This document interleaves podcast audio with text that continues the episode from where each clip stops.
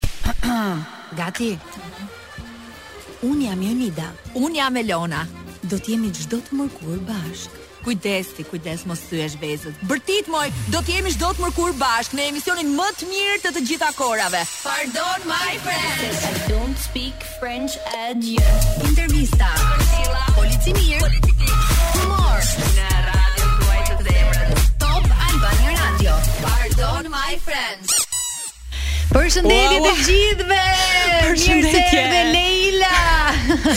O, ju lutem, a mund të kërkoj? Çfarë hapi ke bërë? Mund të kërkoj që një derbi mos zhvillohet në një ditë që punoj në radio.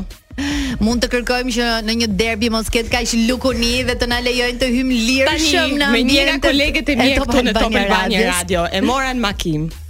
Jemi futur kundravajtje nga Kashari. Mos, po, i trego këto live. S'ka gjë, nuk ka gjë. E kam lënë në mes të rrugës makinën, kështu që mos okay, më gërvishtni. Mirë. Kemi ardhur me vrap dhe arrita këtu në Pardon My French, kështu që pardon që më ka ikur fryma, por sakrificat që bëjmë për radio. Të falet, të falet. Filluam kështu sot, nuk e kam Elona Duron, do të jem do të jem me Lei Krajën sot për të trajtuar uh, këto gjërat pikante që kanë pardon.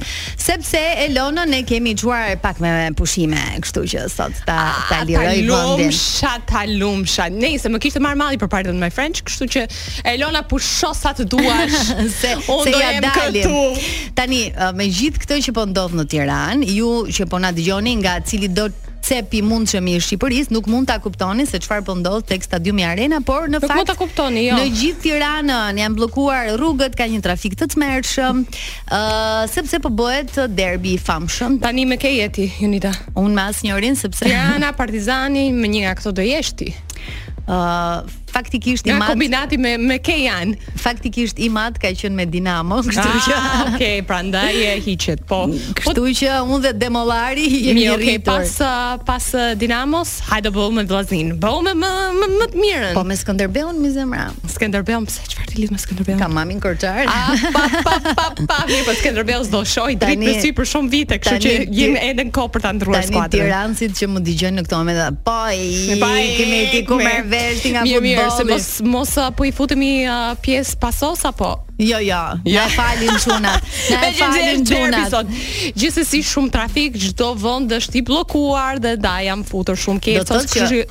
Ju lutem, AB 702 EM nëse shikoni një makinë afër liqenit, mos e gërvishtni. Të parkuar keq. Sepse justifikohem, kam qenë me vrap, me vrap këtu për në Top Albania Radio. Për të mbërritur. Në fakt, gjithë kjo që po ndodh në Tiranë duhet të sillte në studio edhe Balina Bodinakun, e cila do të ishte e ftuara e parë e këtij programi, por me sa duket as ajo nuk po ia del që të jetë në program. Kështu që nëse nuk mundet të hyjë tek arena, mund ta bëjmë me telefon atë intervistën. Po, dhe është është okay sepse realisht është një po. tmerr, ka ka rënë një bombë ose një tërmet. Jam shumë e sigurt që është duke më sharë në këto momente që e ftova në program. Dhe thotë, ti, që... ti dole borxhit, si te pjesa e parë, pa pjesën e dytë. 6 me 7 apo 7 me 8. Edhe ajo këmbënguli Po nuk e dinim as unë as ajo. Kjo duket që, që nuk jemi aq sportdashëse. Unë thashë të mërkurën ka derbi. Dhe unë isha në tavolinë kur burri yt të tha, Jonida, po, të mërkurën që ka nuk, derbi. Nuk duhet të vija unë me makinë. Unë vetëm këtë kuptova. Gjithsesi, uh, ndjenjë e bukur, ëh, uh, kur shikon rrugët e Tiranës. Po, edhe tifoza ka shumë në fakt. Dhe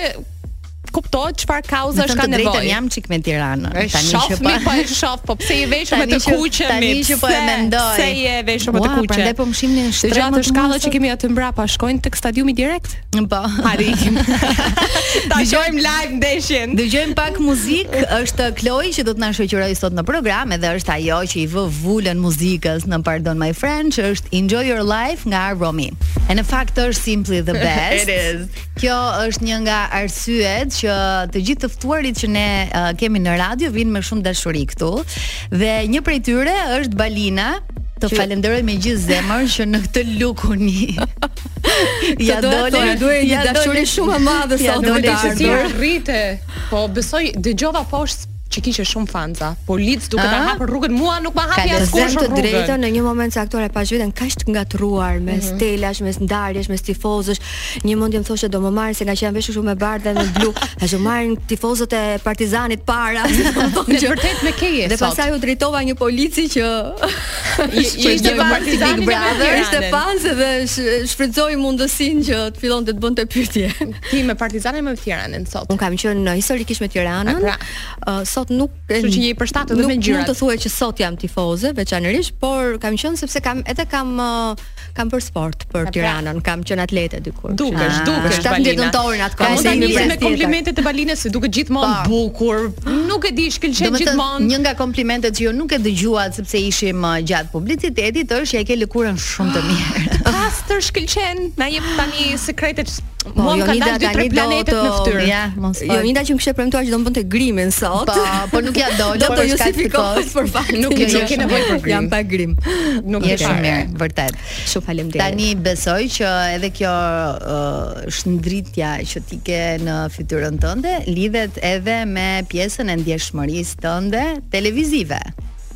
Domethënë i përjeton të gjitha ngjarjet që na ndodhin. Um, varet nga ngjarja, jo, jo të gjitha. Big jam Brother i përje. Jam selektive. Na jep një ngjarje Jonida. Ua, po ngjarja e fundit ishte Big Brother. Si e ke përjetuar gjithë këtë dyshin, domethënë dhe ngjarje shumë e gjatë Jon. Po, Jonida shumë e gjatë. Nuk e di pesë muaj ngjarje. Po, dhe nuk e di a e ke thënë, ju e kishit më të gjatë.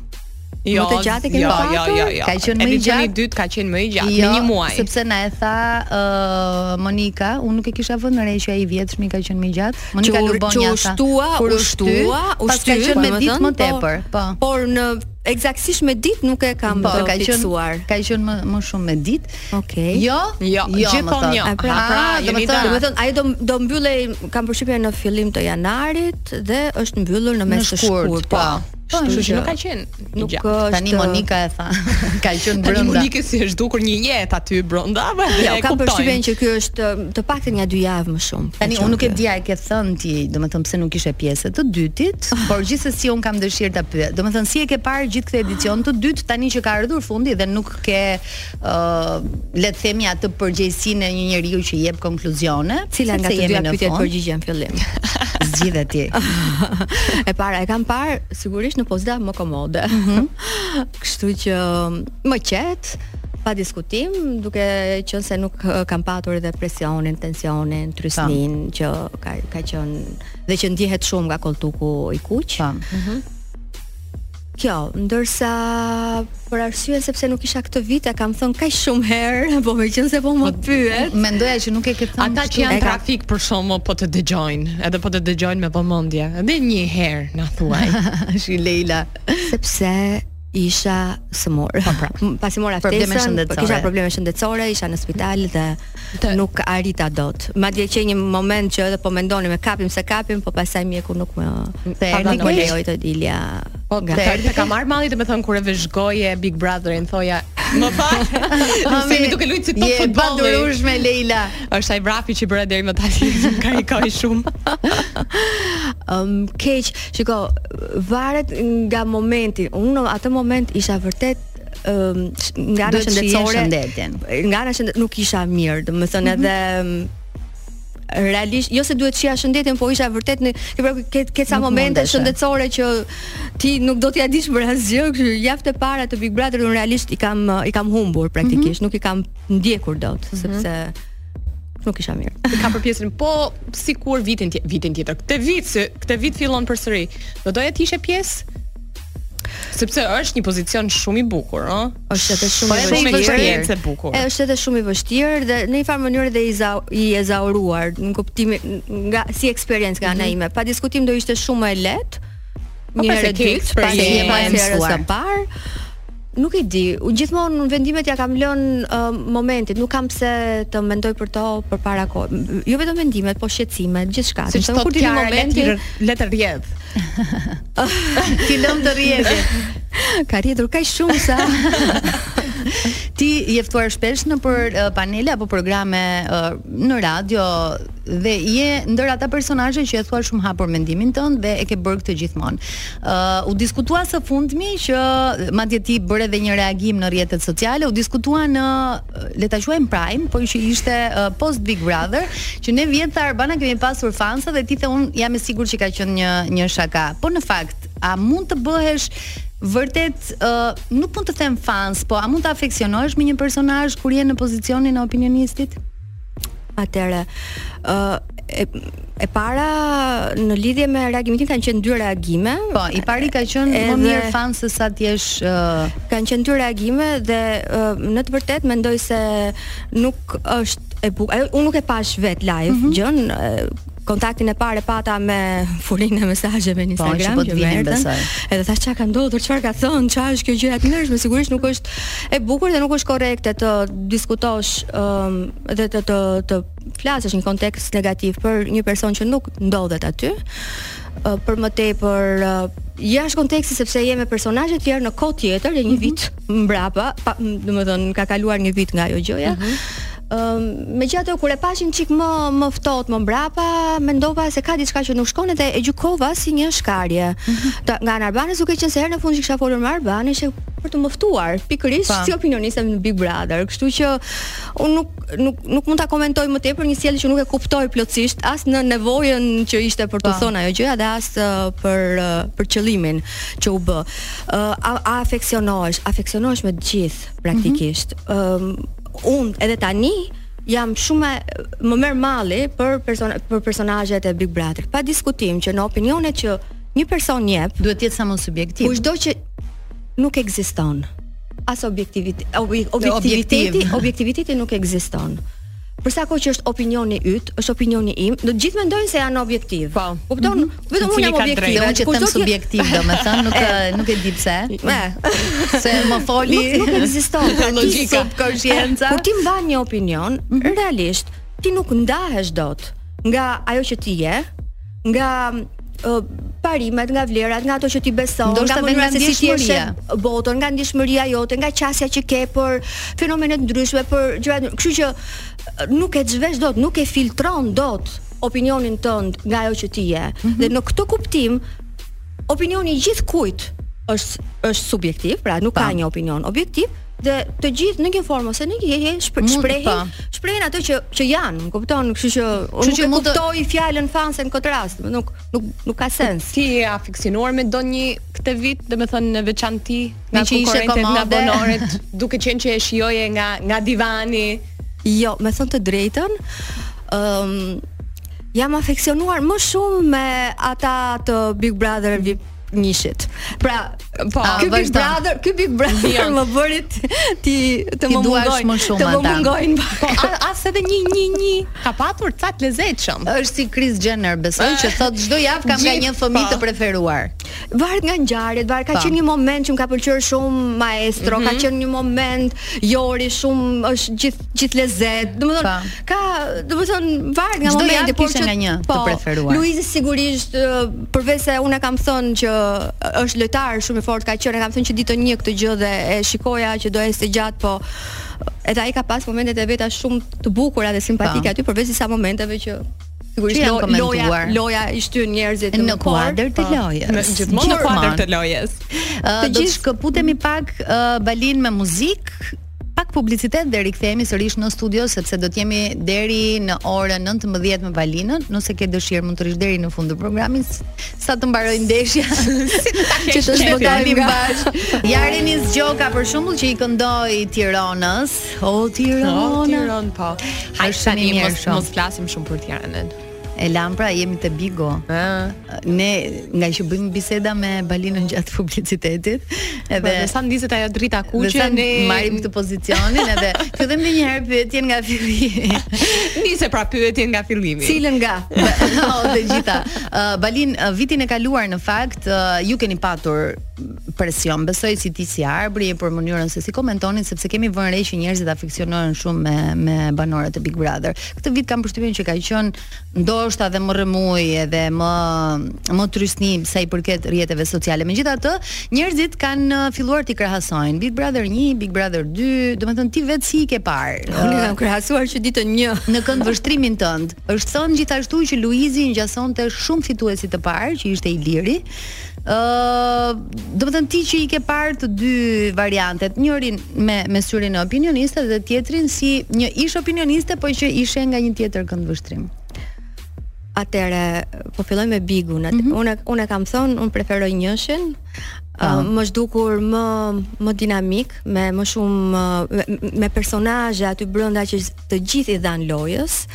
Ëm um, nuk ishte loja e varur nga një person ose nga dy. Pa. Po. Edhe në mes të lojës, pra disa javë mbasi kishte nisur loja hyn, hyri Egzona Shkira dhe pa. Po. ishte uh, e tundi, ishte pa. Po. pothuajse jo pothuajse, po pati një moment që ajo spostoi, domethënë tërhoqi vëmendjen vetë dhe mund të ishte një nga polet uh, brenda shtëpisë që pretendonte titullin.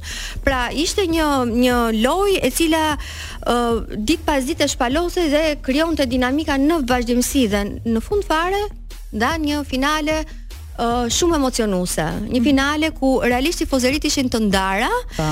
shumë shumë të ndara dhe të gjithë prisnin me ankth ndryshe nga të ishte po, fituesi. Këtë vit në fakt ky ankthi nuk ah. ishte aq i madh them të drejtën. Po pritej show më shumë. Sepse dinim po. shumë kohë përpara se kush do e fitonte. Ky ky është një ndryshim. Kush do ta rrëmbente fitoren? Ky është një ndryshim i madh midis uh, po. uh, dy edicioneve. Ëh, mhm. uh, i dhunshëm ka qenë edhe i pari. Mhm. Unë e kam ndier shumë dhe në këtë studio madje edhe kemi folur, kemi bërë pyetje për këtë gjë. Unë e kam ndier e kam ndier shumë uh, vjet. Ëm um, sivjet kam përshtypjen që u prekën më shumë persona, u, mm -hmm. u prek u, u prek edhe Arbana përveç uh, opinionistëve, u prek edhe produksioni. Produksioni. Edhe kjo gjë bëri që të kishte edhe më shumë reagim dhe unë shpresoj që kjo të vlejë për Big Brother 3-shin që të merret mm -hmm. ndonjë masë ose të mendojë, nuk e di se çfarë mund të bëhet, sepse është realisht e i pakuptim, është është i tepërt, është i pa dhe më i patolerueshëm. Është kur sulmonin uh, vajzat nga profile domethënë që ishin dhe me fëmijë, po, ishin po. gra dhe vajza që sulmonin po Familjare. po vajzat e Big Brotherit. Kjo ishte shumë shqetësuese. Barbare. Mm -hmm. Barbare. Um, ndërsa për krahasim dy fituesve. Po. Sigurisht dy fitues kanë të përbashkët faktin që janë fitues. Po. Përveç në disa në pjesën e karakterit. Nëse um, edhe të lojës. Të lojës do të thoja. Atëherë pikat përbashkëta që mund të shikoja është fokusi në lojë, mm -hmm. uh, përgatitja paraprake për lojën. Po. Mm, pavarësisht se Luizi ishte e kishte studiuar, kishte parë shumë. Kishte studiuar edhe banorë. Edhe, po. edhe Luizi, por edhe Luizi. Biografi. Edhe edhe Iliri, më fal. Ëm um, gjithashtu e kishte studiuar Big Brotherin, dinte mirë, nuk kishte asnjë gjë rastësore dhe mhm. pozicionin mm -hmm. që që zinte kur ulej në prime aty në kolltuk që s'e s'e ndërronte, pra çdo gjë e kishte të menduar. Pa. Po. edhe këto e kanë të përbashkët, mm -hmm. uh, fokusin e thashë, po përqendrimin. Ëm tjetra që të dy kanë kishin të përbashkët se fokusi dhe përqendrimi dhe objektivi që kishin për lojën ca raste i i ka çuar të kalojnë disa kufinj në komunikim pa. me banorët aty brenda ose me shakatë që mund të kenë bërë. Por uh, një ndryshim shumë i madh mes të dyve është mënyra se si e kanë përjetuar lojën aty brenda. Ndoshta Luizi mund ta ketë përjetuar edhe me me më shumë me shumë stres mm -hmm. dhe me siguri e ka përjetuar pa. Po. sepse nga fundi dhe u duket e ankthi dhe dëshira e po, po. tij shumë e madhe, por nga ana tjetër ai nuk i mohoi vetes edhe momentet e e, e romantikës, mm -hmm. edhe të kënaqësisë, edhe të për të të gëzuarit të lojës, edhe të humorit, humorit edhe të këngës. edhe të simpatisë dhe kjo e bëri dhe më simpatik për mm -hmm. për uh, për njerëzit që e shikonin jashtë, kishin po. qejf ta shikonin. Gjë që i ka munguar Ilirit, dua të them që po. ka qenë pak më i sertë, është vërtet. Që uh, unë mendoj që do e kishte bërë Ilirin edhe më të dashur dhe që i ka munguar shumë është pikërisht kjo fokusi në lojë dhe përqendrimi atje e bënte të të hiqte dorë nga kënaqësitë e lojës, e bënte atë të dukej në ca raste jo jo fort simpatik. Mm -hmm. Ndërkohë që ka pas disa momente shumë të vogla Iliri kur e ka lënë veten, pa, po, e ka lëshuar veten, ishte shumë i lezetshëm. Që vërtet ishte tjetër gjë mm. komplet, nga të shikoje gjithë kohës, domethënë të dukej i lezetshëm, dukej ah, simpatik, po shkonte mirë për shaka me po, Donaldin, ndonjëherë. Po, ia lejonte shumë rrallë vetes, ta lëshonte veten. Edhe ajo pjesa që qëndronte ashtu si i sertë, si i ngurtë, mm -hmm. i humbiste nga simpatia. Ky është një ndryshim shumë i madh mes të po, dyve. Duhet të jesh pak më popullor, besoj, në një format të tillë. Mendoj që kjo është edhe pika ka qenë pika shumë e fortë e Luizit. Simpatia që krijonte tek njerëzit, sepse po. dukej sikur pavarësisht se ai të gjithë çdo gjë siç ne kuptuam më vonë kishte të kalkuluar, të studiuar, e mendonte, stërmendonte, punonte për atë ditë për ditë ishte i pari që zgjohej i fundit që flinte, Por ai dukej sikur e bënte me lehtësi më të madhe këtë gjë. Nuk sikur dukej, ishte i kalkuluar po. Nuk nuk nuk ishte nuk nuk i lexohej shumë ajo ai uh, impenjimi aq i madh. Okej, okay, nga fundi e kuptuam, filluam ta lexonim edhe ne këtë gjë, po fillimisht nuk i lexohej kjo gjë, ai dukej shumë i po, relaksuar. Po, shumë popullor nga të gjitha sjelljet. Dukej sikur çdo gjë i vinte natyrshëm aty në në lojë dhe kjo batutat pa. Kjo sigurisht që që e e bënte simpatike edhe edhe në publik. e shikoj me kënaqësi. Po Edhe thoshim po që thoshim, po thonim. Çfarë do kemi për para po tani? Po thonim. Tani mund të bëj edhe unë një pyetje. Patjetër Leila. Për, për krahasime, se po flasim gjithkohës për krahasime. Opinionistët si t'janë dukur tani? Po t'i vlerësoje me një notë. Njëri. Se Njëri, tjetri nuk ishte vjet. Arbri ka ndryshuar, eh? kishte më shumë humor. Këtë vit ka qenë ka pas më shumë perla, ka qenë dhe pak më agresiv se vjet. Arbri e ka pasur më të lehtë sesa Zhaku këtë vit, për shumë arsye. E para nuk e kishte për herë të parë. Mm -hmm. E dyta uh, ishte i shoqëruar nga një opinioniste grua mm -hmm. në krah, mm -hmm.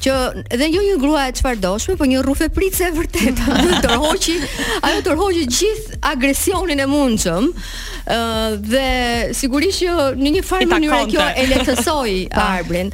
Dhe e treta, uh, Arbri mua më duket se u fokusua vetëm tek loja, tek momenti i lojës. Ndyshe nga Zhaku që e përdori uh, Big Brotherin edhe si një platformë për të ngritur kauza. Disa kauza, po. Ëm um, Arbri qëndroi tek Big Brother, tek loja aty brenda. Kjo gjë unë mendoj se këto të bashkë ia kanë bërë um, të Big thjesht. Brother Arbrit më të thjeshtë relativisht. Mm -hmm. Dhe sigurisht kur e ke më të thjeshtë, ke edhe qetësinë e nevojshme të gjesh edhe humorin dhe batutën, Dhe kjo ka qenë një gjë e po, bukur. Ka patur perla pafund. Ka qenë një gjë, ka qenë një gjë e bukur. TikTok është mbushur me me thënie të Arbrit. Unë kam mendimin tënd dhe ti ke mendimin tënd. po, mua më mungon Balina për shkak se kishte pak më shumë anë sensitive në krahasim. Ha, kishte më shumë lot, qarje. Duan, duam ne shqiptarët ta shohim këtë anë. Ha, Balin.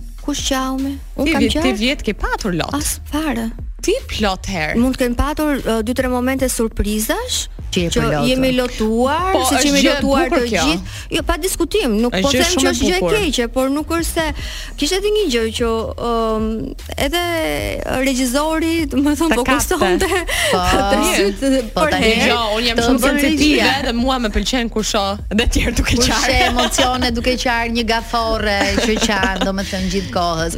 Uh, Balina kohët e fundit është bërë shumë e modës, domethënë që të shohim podcaste everywhere. Domethënë po shohim uh, uh, podcaste të cilat po vijnë edhe nga nga ish-banorë të të Big Brother, janë njerëz që në fakt e kanë pasion radion dhe ti uh, e ke sepse na e ke dëshmuar që e pëlqen uh, ndoshta edhe më shumë se televizionin. Po, a e sheh veten edhe ti që mund të jesh pjesë e një podcasti dhe cilat mund të jenë projektet e tua ndoshta në lidhje me televizionin apo me diçka të tillë. Uh, kam vite që e mendoj podcastin. Mhm. Mm dhe th, më vjen mirë që është uh, kthyer po, në modë. Këtu ka ardhur shumë ka, nice. ka erdhi më në fund në Shqipëri se jashtë ka po, vite është, që po. që është uh, është si trend dhe pëlqehen podcastet. Më vjen mirë që ka sepse pse jo? E kam kam kohë që e kam menduar, por nuk asnjëherë me sa duket, aq s'e kam marrë seriozisht ta ulem dhe ta ta mbyll si projekt. Ndërsa për pjesën tjetër mm -hmm. kam projekte, mm -hmm. të cilat në televizion.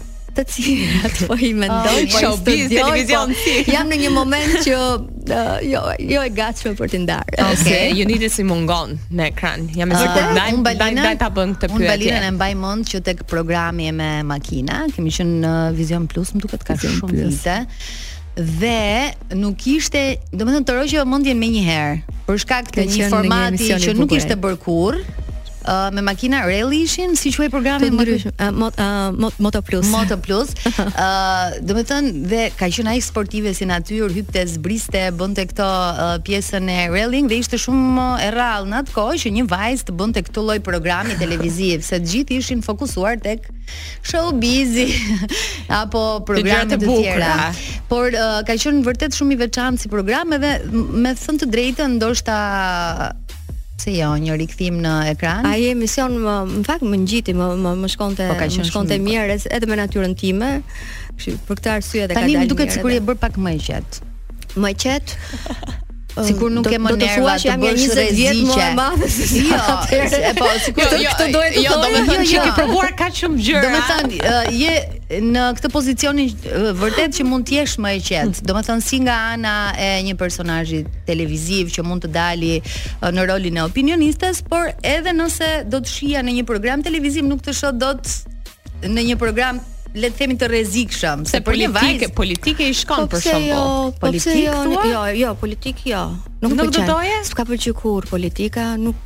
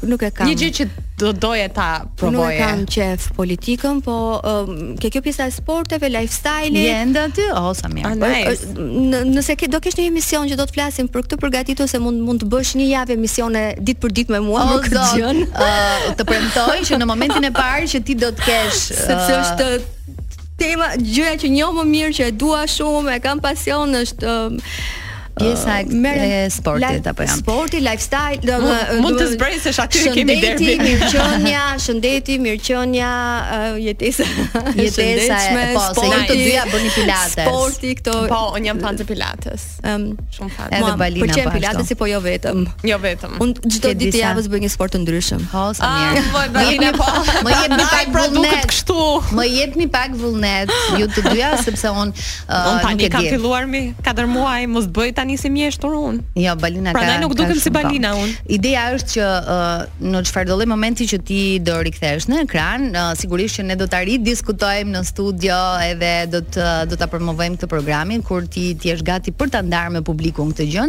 Uh, me thënë të drejtën, mua si shikuese, se po i nxjerrim dhe sekretet që bëmë gjatë publicitetit, po i thoja në fillim kur ju pashë Kur i pashë Balinën dhe Arbrin si opinionistë isha pak skeptike sepse ti ke qenë natyrë që nuk është se ke qenë ndjekëse e Big Brother apo e reality show dhe pastaj gjatë rrugës kuptova që po, jeni yeah. shumë të mirë si çift opinionistësh. Nuk ka lidhje se sa e ke ndjekur përpara sepse mm -hmm. në fund të ditës aty je për të dhënë një opinion, je për të dhënë një po. opinion. Megjithatë, unë Big Brother-in e kam ndjekur fillimisht kur jetoja në Londër mm -hmm. dhe mhm. ka qenë fillimet e Big Brotherit që pa. Po. doli si fenomen, në Shqipëri s'kishte ardhur akoma dhe kam parë ato biget e para në në Londër. Ëm, um, kështu që ka po, studiuar mirë. Pastaj kur erdha në Shqipëri e kisha nxjerrë të keqen. Po, kishte nuk... parë, kishte parë hatara më të mëdha se sa ato që mund të ndodhnin në Shqipëri. Ë, uh, Balin shumë shumë faleminderit. Nëse dëshiron mund të rrish dhe në pjesën e dytë sepse ë uh, nëse ke kohë gjithmonë. Tim se faleminderit tanim te. Mund të vazhdo, mund të bësh uh, co-host me ne. Do të kemi dy të ftuar që janë uh, Shpat Deda, në fakt i kemi me telefon. Fatmirësisht se jam shumë e sigurt që nuk do vinin dot. Nuk do të arrinin. Ë uh, Shpati është në Kosovë duke bërë provat e fundit të koncertit të tij që do të jetë në katedralen e Kishës Ortodokse. Dhe uh, po ashtu kemi dhe Xhibanin që ka risjellë një këngë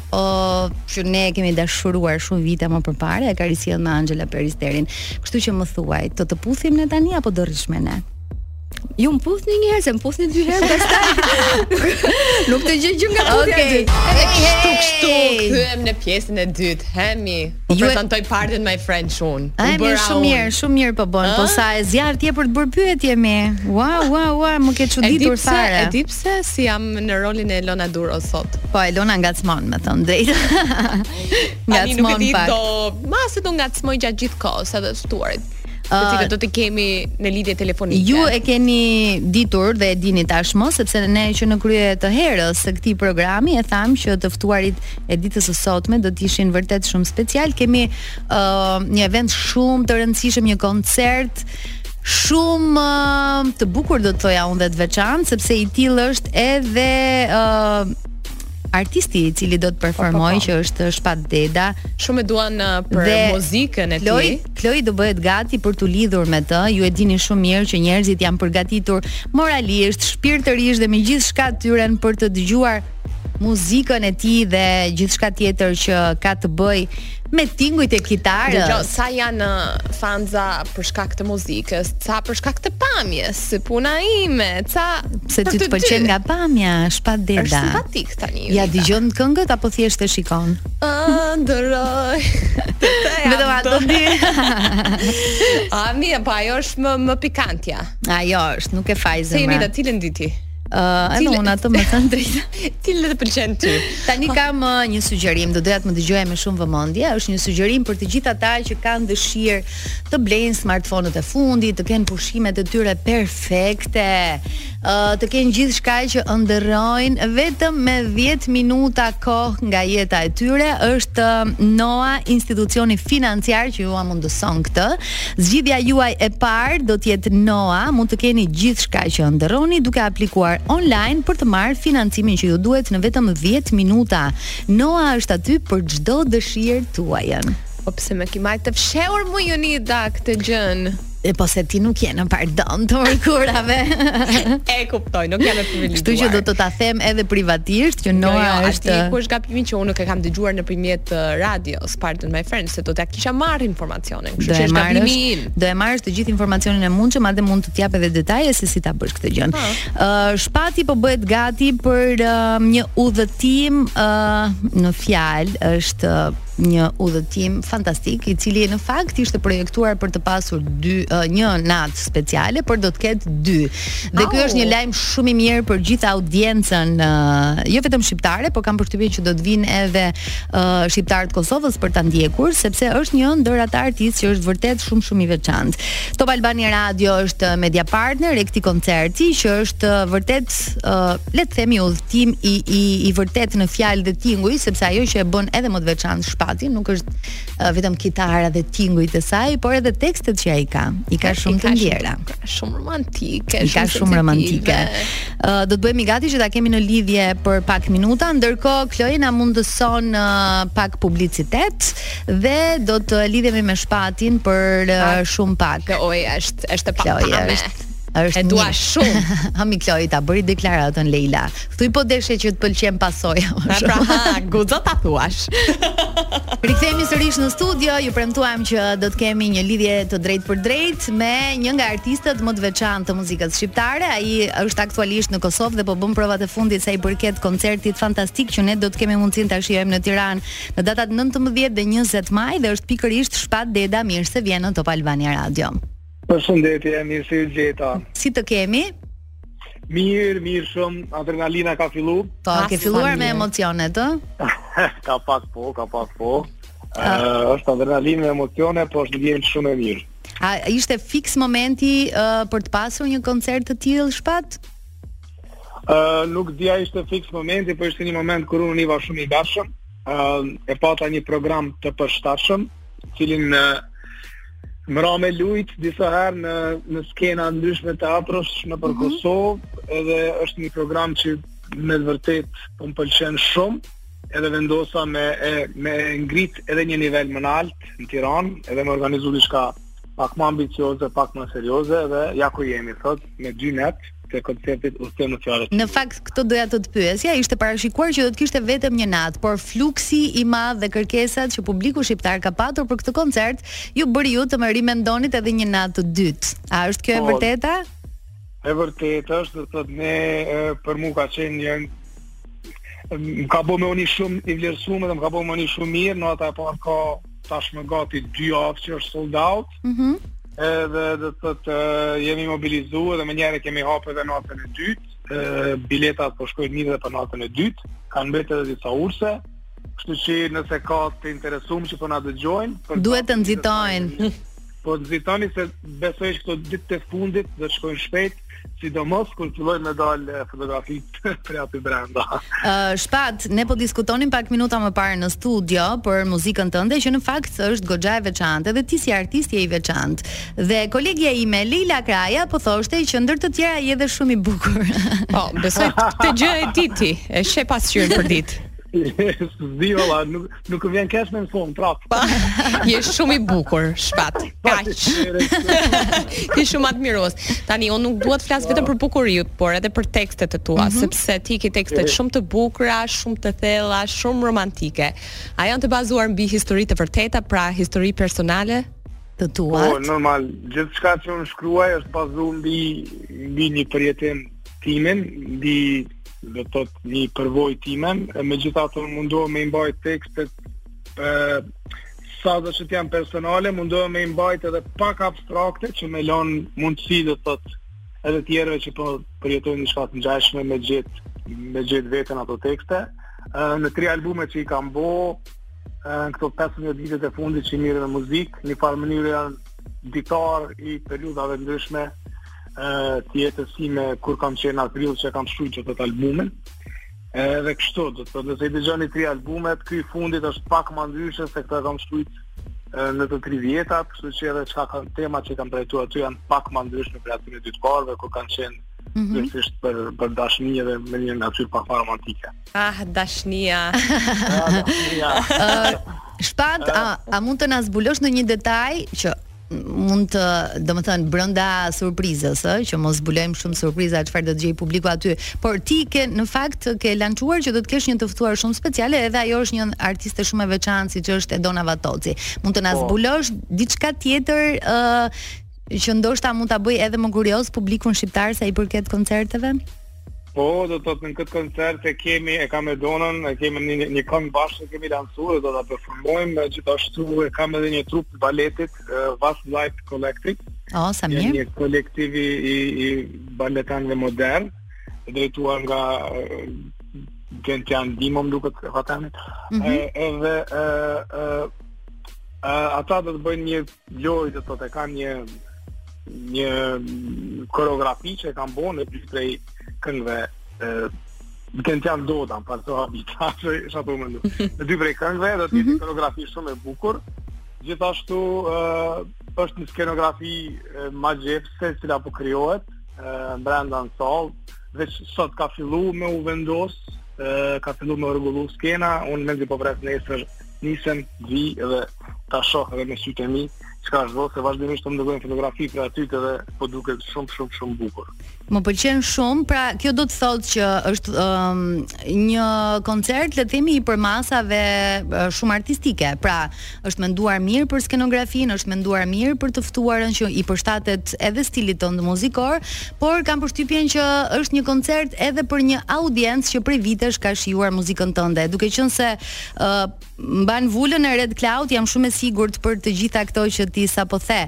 Por uh, nëse do të ketë në natën e dytë, domethënë, do të jetë e njëjta strukturë, e njëjta po. ë uh, le të themi uh, e njëjta uh, ngjarje, se s'po më vjen tani fjala se u hutova fare. Edhe unë u emocionova, se edhe ti mezi pret këtë koncertin. Po, kështu që Un kam vite që e prezantoj muzikën tënde në Top Albania Radio që prej pjesëmarrjeve në në Top Fest, kështu që është vërtet shumë emocion që të të, të ndjekim në këto lloj përmasash nga afër. Pra do jenë të dyja netët me me të njëjtin skenar, le të themi, me të po. njëjtën vijueshmëri, edhe publiku i natës së parë apo ai i natës së dytë nuk do t'i ngelet peng asgjë që nuk e shijoi. Ashtu. Ashtu, do të jetë performanca okay. e njëjtë të, të, të dyja, por me dallimin e vetëm që kjo e natës së parë edhe do të xhirohet. nga nga Top Channel. Po, sepse është media partner. Po, për po, është media partner i mhm. eventit mm -hmm. dhe do të dokumentohet për për të ardhmen, do të thotë, edhe kjo mu m'ka bo shumë të të lumtun që arritëm me me, me pas këtë marrëveshje me dokumentu si duhet këtë koncert, se më vjen shumë mirë që do të mbetet.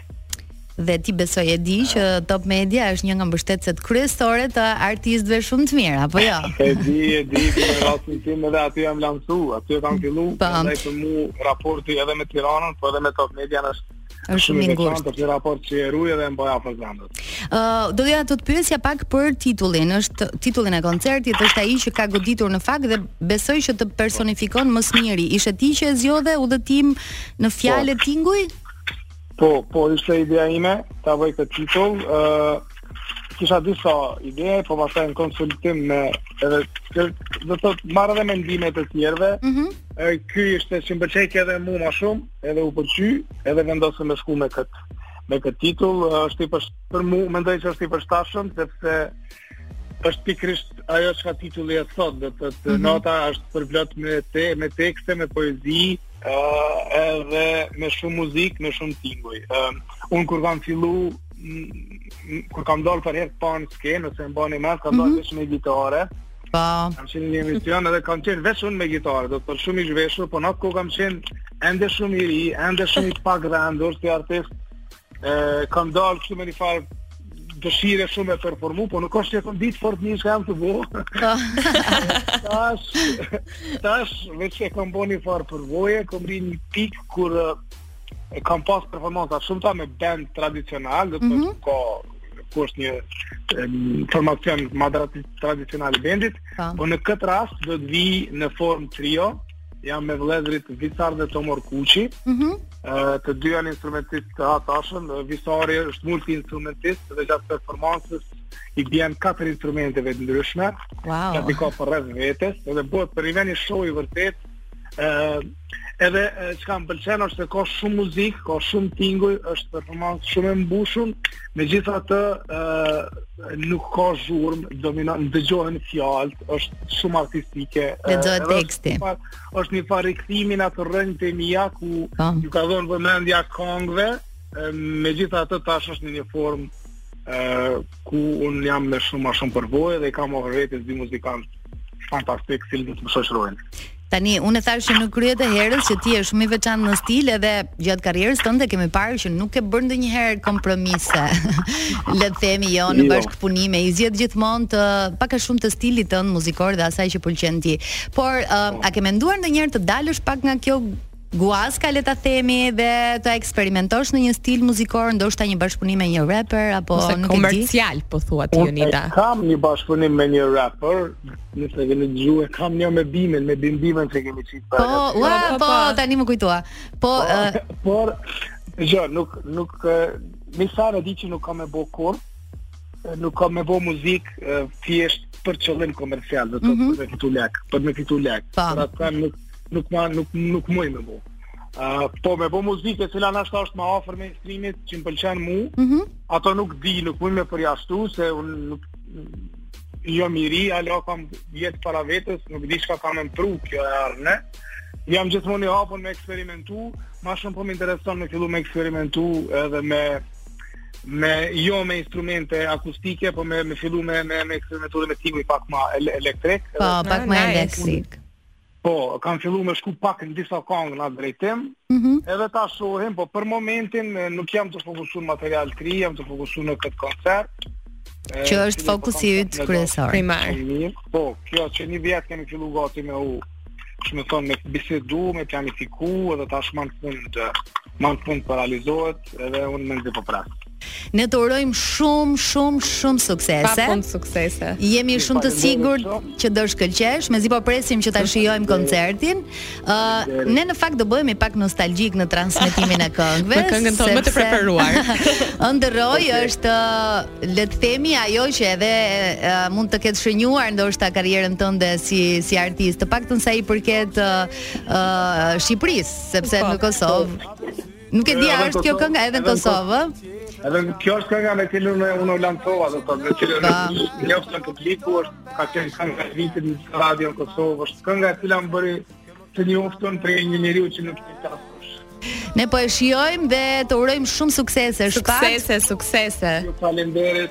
Ju faleminderit që jemi në kontakt. Gjithë të mirat, përqafime. Rikthehemi në Pardon My French, që të na falni shumë për frëngjishten, po sot kishim një super emision. Zjarr. Ë në pjesë të parë kishim Balina Bodinakun, kishim Shpat Dedën dhe tani kemi një tjetër ë personazh shumë të njohur dhe të dashur.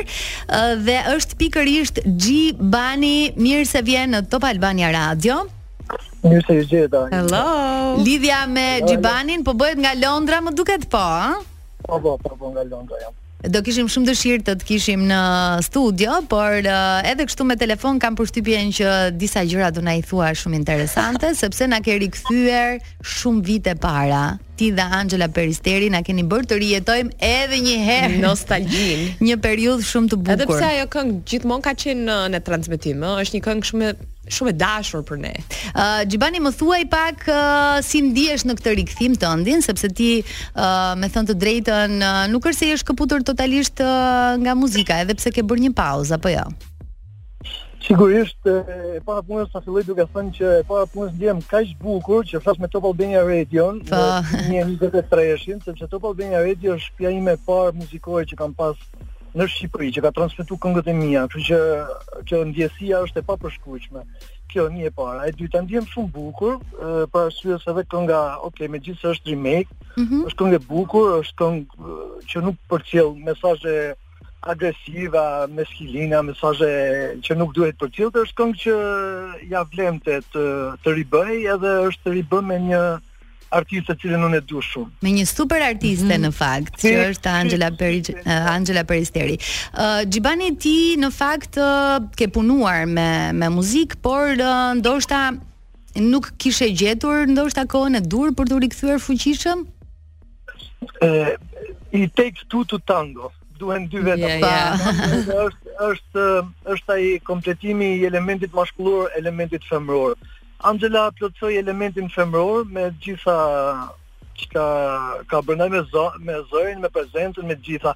Sigurisht që kur do me bo një rikthim në treg, se un këngë rep të egra bëj se kam anëtarë të grupit tu se që janë 55 kam Klodin, shokun tim nga Berati që bëjmë. Po ideja është se për m'u fut në treg duhen këngë komerciale, në bashkëpunim me artiste femra. Mm -hmm. Kështu që Anxhela e ka këtë e ka këtë veti dhe e plotësoi. Kështu që nuk është se nuk është se i kam ra mrapa shumë që të jemi të sinqertë, sepse kam preferuar mos të mos ta ul kokën. Nuk kam dashur ta ul kokën këtyre artisteve që edhe këtyre që kanë dalë mrapa meje, po edhe këtyre artisteve që nuk kanë respektin e duhur. Mm -hmm. Kështu mhm. që e vlerësoj kur kur artisti me të cilin do bashkëpunoj më sillet me respekt. E vlerësoj shumë, i shikoj shumë këto këto gjërat e vogla, këto detajet. Ke të bësh me energjinë që të krijon kolegu dhe kjo është po, po është shumë e rëndësishme. Po besoj besoj është e rëndësishme sepse nuk është se ok, në këtë moment të jetës time kam kam edhe punë tjera që bëj nuk është se varem totalisht po, nga, nga muzika. Që në fillim që e kam bë, e kam dash shumë sepse në Greqi më ka diferencu nga, domethënë, nga racizmi grek që kishim kundër që këta shqiptarë që bëjnë këtë, bëjnë atë, nuk janë të zot për asnjë gjë tjetër, po vetëm për dy tre gjona që na kishin atë në atë kategorinë e tyre. E muzika më ka diferencu gjithmonë dhe nuk kam dashur ta ta, ta lej, ta, të keqpërdoret ky aspekt im artistik nga njerëz të tjerë. Kam pa përherë këtë punën e energjisë që the. Domethënë, respektin, ku ekziston respekti. Dëgjo, një kuriozitet duhet të na shuash, sepse vërtet ju jeni bashkë në këtë projekt, por a ishte ideja jote për ta rikthyer apo e Anxhelës? Të dyve. U bëtë bashkë në një mendje. Po. Po, uh, kemi ne ne më fal që të ndërpres. Ne nuk është se jemi të panjohur me njëri tjetrin, po, po. jemi jemi takuar edhe herë tjera dhe ka ekzistuar si si ide. E mm -hmm. kemi në tavolinë si ide, si plan thjesht Erdhi momenti edhe e, e realizuar. Tani si ndihesh që edhe pse po thua që nuk ke dashur të bësh kompromis edhe je shkëputur edhe nuk varesh totalisht nga muzika, po që brenda kaq pak ditëve uh, arritët një milionshin, se kam përshtypjen duhet të jetë ndjesi shumë e bukur kjo. Është ndjesi e bukur, po nuk është nuk është falë meje, është falë Anxhelës. sepse Anxhela përveç se ka një fan base të cilët e duan shumë e respektojnë shumë, gjithë këto vite që un nuk kam qenë prezent, ajo nuk ka rresht duke punuar, duke ofruar simpatizantëve të saj dhe audiencës muzikore këngë dhe materiale, kështu që besoj se është meritë e asaj, nuk është shumë pak merita ime. Ndihem shumë bukur që jam pjesë pjesë e projektit, që të jemi sinqert, ndihem shumë shumë bukur.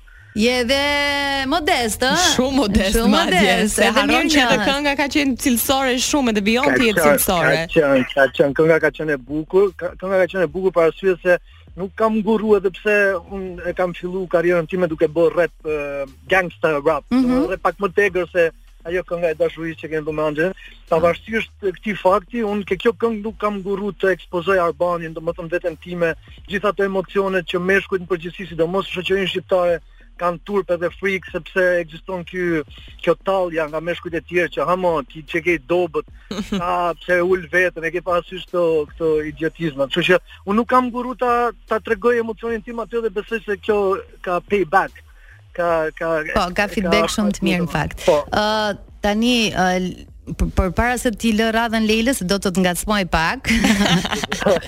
do të ngacmoj edhe un pak. More ju ngacmoni? Do të ngacmoj nga një çik tani. Ja, Jonita është shumë e mirë. Kot bën sikur ngacmon, më kap me lezet. G Bani nuk e di a je uh, i azhurnuar me mediat shqiptare, me portalet, me çfarë shkruhet vërdall, por në momentin që ë uh, kthehesh, ke sukses, sigurisht që do shkruhet edhe do flitet. ë uh, kam lexuar së fundmi që Crazy Girl në fakt nuk e ka pritur mirë këtë rikthim të këngës që ju e keni pasur dikur bashkë. A është e vërtetë kjo? Dhe e, e, kam shumë dëshirë të të përgjigjem, po nuk du të jap më shumë rëndësi kësaj teme sepse duket sikur sikur është më shumë se ç'është. Mm -hmm. Nuk është se nuk është se kam marr feedback pozitiv nga ajo, kërkoj ndjesë, po do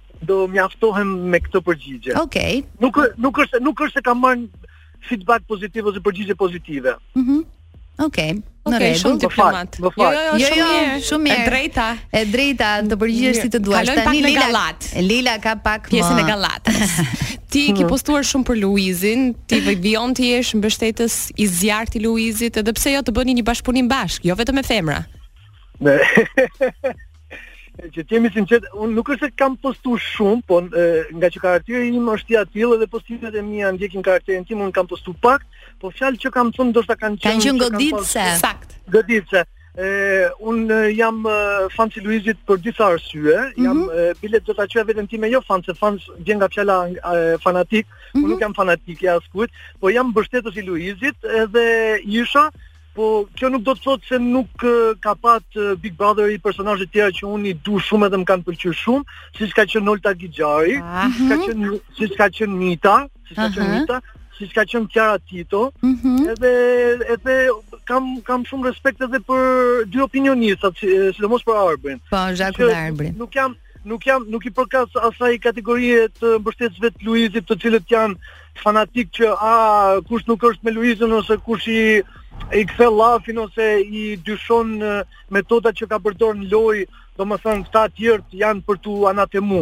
Kështu që un kam shumë respekt për për lojën e Oltës, si thash edhe për mbështetjen që i ka bë gjinisë femërore Olta, po edhe Kiara, mënyrën se si ka reaguar në fillim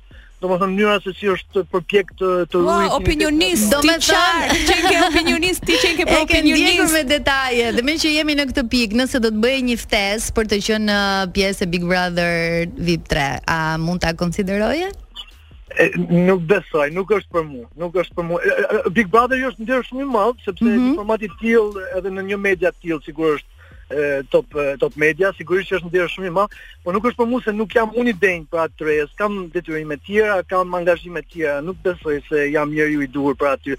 Domethënë sepse tani këtë moment Luizi e ka ngrit nivelin shumë lart. Po, dhe pritshmëritë janë shumë të mëdha. Për sa i po përket për, për sa i përket angazhimit të lojtarëve, domethënë sepse aty u tha shumë pastër që shiko se nuk keni ardhur me fjet gjumë me hangër buk, duhet t'i ofroni publikut lojë. Edhe unë nuk besoj se jam ai që do t'i ofroj publikut lojë, se nuk e kam nuk jam karakter i atij. E, e më pëlqen shumë ta sodis, ta ta shikoj. Ta shikosh nga ekrani, po. Po, po. E Gjibani... kam ndjek, e kam ndjek, e, e kemi ndjek komplet. Ua, e gjithë po, Shqipëria, brenda dhe jashtë po, kufijve. Po, edhe shtetet e tjera madje. Unë tani Tani ju besohet, më fal, më fal që ndërpres ju besohet të jesh në makinë edhe ta kesh të kesh aplikacionin DigitAlb ti vetë. Hajde. Hajde ta mam. Ju vjen edhe mos ta shikosh sepse je duke udhëtu po ta dëgjosh. Vetëm të dëgjosh zërat dhe bisedat. Përpara se ne të shijojmë këngën, këtë rikthim fantastik që ti dhe Anxhela Peristeri keni sjell për të gjithë nostalgjinë që ne kishim për këngën të dua, dua të të pyes për projektet e ardhshme, a do të të shohim më shpesh në skenën muzikore me klipe apo me bashkëpunime të tjera? Nuk e di, kam dy këngë që kam me Klodin nga grupi Plus 355, nëse ju kujtohet kënga ju nuk keni stil, nuk keni bërë. Po. Tani nuk është se nuk është se do bëjmë remake absolutisht, mm -hmm. jo mhm. kemi kemi ca këngë tja, po i kemi në zhanër boom bap. Po. Po, kështu që nuk është se janë aq shumë të tregut. Tani me reggaeton me këngë komerciale kam dëshirë 2 në vit, 3 në vit, jo më shumë. Okay. Po e arrita këtë, po e arrita këtë, domethënë se jam ok, nuk besoj se, sepse ka prurje shumë të mëdhaja, prurje cilësore, mm -hmm. ka shumë artistë edhe të ri që janë fut me pasion, janë fut me investime serioze dhe besoj që ata e meritojnë t'ju jepet hapësira e tyre. Njerëzit që duan me me dëgju Banin kanë material, kam dhënë diçka, jo shumë, Po kam dhënë edhe vitet e fundit. Po je shumë i mirë more Xhibani. Shumë paqësor. Ne të falënderojmë me gjithë zemër për këtë për këtë intervistë. Kur të vish në me ju e ndjej veten sikur jam te Jo, jo, në fakt e ndjej veten sikur jam te piramida, kështu që Afër jemi sërish. Uh, kur të jesh në Tiranë të mirëpresim, ne po bëhemi gati të shijojmë bashkëpunimin tuaj. Anxhela Peristeri dhe Xhibani në Top Albania Radio të dua. Të na falni shumë për frëngjishten, po ka shënuar Partizani, ndaj po tundet studio ja. Da Silva ka shënuar, po e di pse ka shënuar sepse e ka trajnuar Vllaznia, kështu që gjithmonë ka një do marrë histori. Ju shkodranët do vdisni me marrë merita për çdo gjë. Po më vjen shumë mirë që të paktën është bërë një gol, ne ndjejmë këtu. Do të thonë u tund gjithë studio. Po vetëm tundet. Emocione të bukura përjetuar këtu në Top Albania Radio. Janë shumë të bukura vërtet. Sa herë ka ndeshje në Air Albania ne i përjetojmë edhe gjatë transmetimit. Kemi mbërritur në fund të programit. Faleminderit që na ndoqët. Unë, Lejla dhe një opinioniste ose opinionist, nuk e dimë kë ka vendosur Elio si të bëjë nesër. Të jetë nesër. Do të jemi nesër nesër, kam me ty. Po mund të japim një um, një, një mini preview. Po, mund ta japim. Për pushimet do flasim. Do flasim për pushimet. I preferoni të thjeshta apo luksoze? Ëh, luksoze normal. Shikja. E tani mos bëjmë si modeste, mos bëjmë si Xhibani modest gjithë kohës. Ishte shumë i mirë vërtet Xhibani. Jemi të sinqertë. Uh, nesër dëgjohemi. Pra do të kemi një super parodi, po besoj ju shkon mendja se cilën këngë kemi zgjedhur. Dëgjohemi nesër nga Pardon My French, kalofshi. Ju dua bukur. Ciao, ciao.